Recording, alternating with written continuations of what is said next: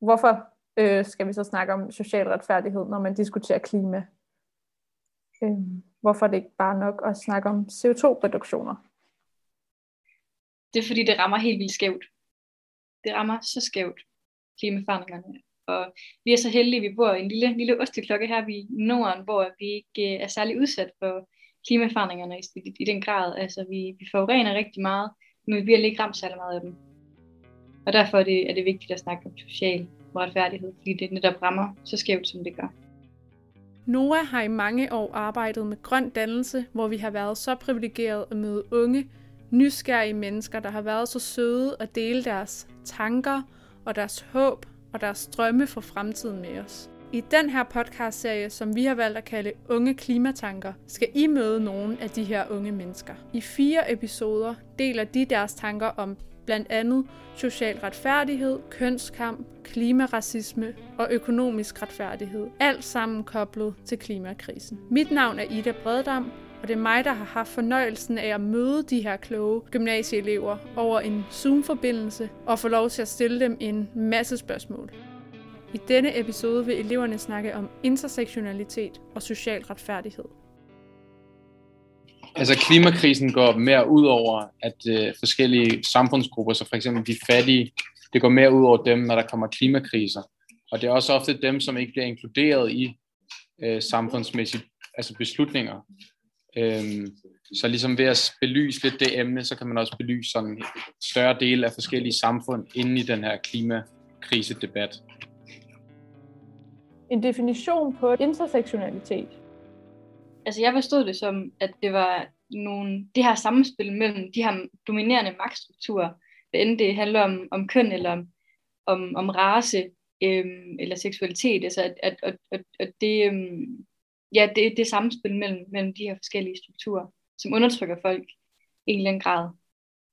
Øhm, jeg har forstået det som om, at det er at, altså, at det her hierarki, som opstår nu, så altså sådan naturligt i samfundet, det skal sådan nedbrydes, så alle har mere, altså alle er mere ligestillet, og alle har en mulighed for at kunne altså komme højere, altså ikke, sådan klare sig bedre i samfundet sådan generelt.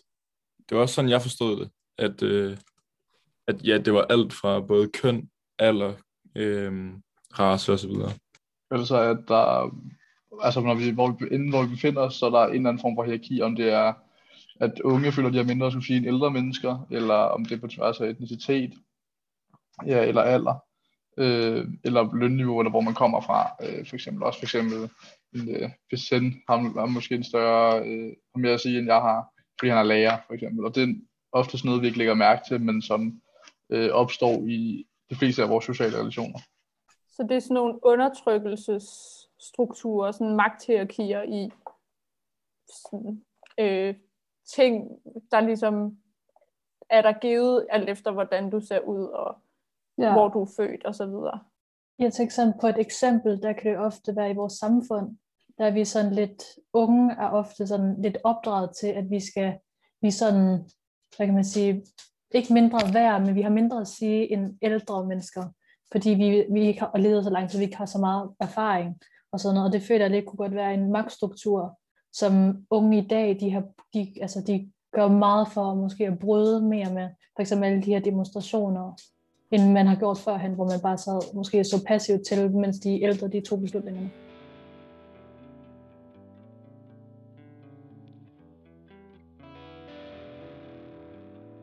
Forklar mig lige sammenhængen mellem racisme som en ting, et undertrykkelsessystem, og så klimakrisen. Hvordan hænger det sammen? Øh, jamen altså, det hænger egentlig uhyggeligt godt sammen, øh, fordi at, at i og med, at vi har et system, hvor øh, den måde, vi produ- producerer på, den måde, vi gerne vil vækst på, så undertrykker vi nogle andre mennesker. Og det vil altid være de mennesker, som ikke har lige så mange ressourcer, øh, som øh, måske er minoriteter der, hvor de bor, eller øh, hvad hedder det, på anden vis er, lever i fattigdom. Øhm, og i og med, at de ikke har de samme vilkår, så vil det også være dem, som klimakrisen øh, går ud over, øh, fordi det er dem, der først mister deres jobs, hvis at der er en produktion, der lukker øh, til gavn for klimaet for eksempel, og så er det jo om at hjælpe dem videre i job, fordi at det er ofte dem, som ikke har mulighed for at tage nogle øh, bæredygtige valg. Men derudover så er det også øh, lande, som især i Afrika faktisk, som er der, hvor der øh, at kommer tørke og øh, naturkatastrofer som følge af klimaforandringer, som jo er nogle, vi har skabt øh, især i Europa øh, og i, også i, øh, i store dele af andre steder i Vesten.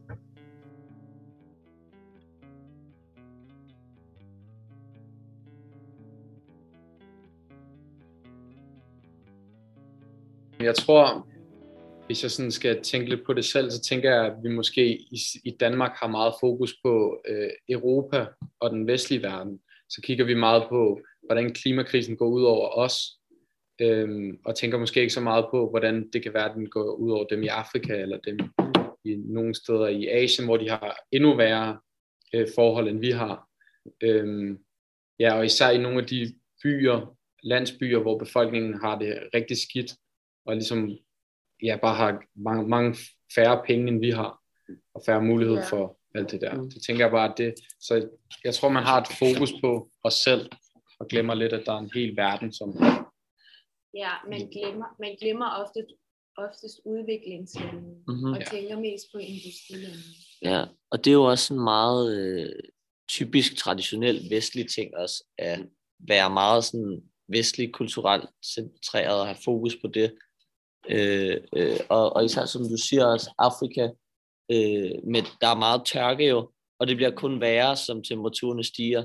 Hvis man så ser på sådan noget som øh, koralrev og, og fiskebestand og sådan noget, der også kommer til at dø ud på grund af øh, øh, global opvarmning, så er det sådan, det er noget, vi ikke tænker på i, i Europa så tit. Jeg tror, vi glemmer de mennesker, som bor i de områder, hvor det eller hårdest ud over dem i det globale syd, som virkelig bliver ramt meget, meget hårdt af de her naturkatastrofer, som er forårsaget af klimaforandringer. Øhm, også fordi det, det er jo ofte dem, der forurener aller, aller, aller, aller mindst i verdenen, øhm, og dem, som egentlig lever mest bæredygtigt, i hvert fald i mange tilfælde, øhm, og som, som lever øh, i deres lokalområder, som egentlig ikke er særlig afhængige af, af, af det globale. Øhm, dem, dem tror jeg, vi kan lære noget af at når man snakker om social ulighed, så er det ligesom, det, det er de udsatte i et, et givet samfund, som, hvor klimakrisen ligesom, det dem, det går hårdest ud over. Øhm, ja, og så er det ligesom, det hjælper heller ikke på det, at de ikke har så meget politisk indflydelse i nogle samfund. Øhm, altså, de har ligesom ikke mulighed for selv at, at altså, gøre noget ved, at, at de har det på den måde, eller de har ikke mulighed for at sige, at klimakrisen skal ændres på nogen måde, så det er primært dem, som har ret meget magt, som sidder og tager beslutningerne i forhold til klimakrisen. Så på den måde hænger det lidt sammen med det der med social ulighed, at alle skal have mulighed for øh, altså give deres mening til klimakrisen. Ja. Jeg tænker også, at sådan, selve geografien er ret vigtig, fordi at det er oftest sådan, øhm, i hvert fald sådan de værste, hvad kan man sige, naturkatastrofer, der kan ske, oversvømmelser osv., det er oftest de fattige lande, øh, eller for eksempel i Asien, øh, udsatte områder, øh, hvor at naturkatastroferne går ud over sådan de udsatte områder. Så rent geografisk, så har det også betydning i forhold til sådan beliggenhed, øh, hvilke lande, der måske kommer til at opleve klima, klimakrisen mere end, end måske øh, lande i midten, eller som, som ikke ligger ud til en kyst eller et havområde.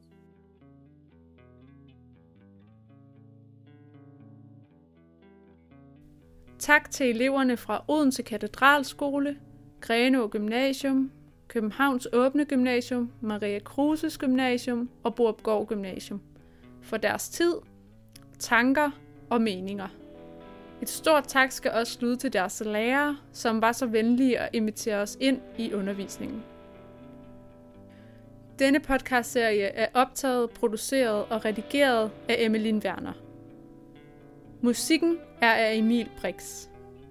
Hvis du gerne vil følge Noahs arbejde, kan du finde os på de fleste sociale medier eller på noah.dk. Tak til Dansk Ungdoms Fællesråd og til Civilsamfund i Udvikling for den økonomiske støtte til det her projekt. Og sidst, men ikke mindst, mange tak til dig, fordi du lyttede med.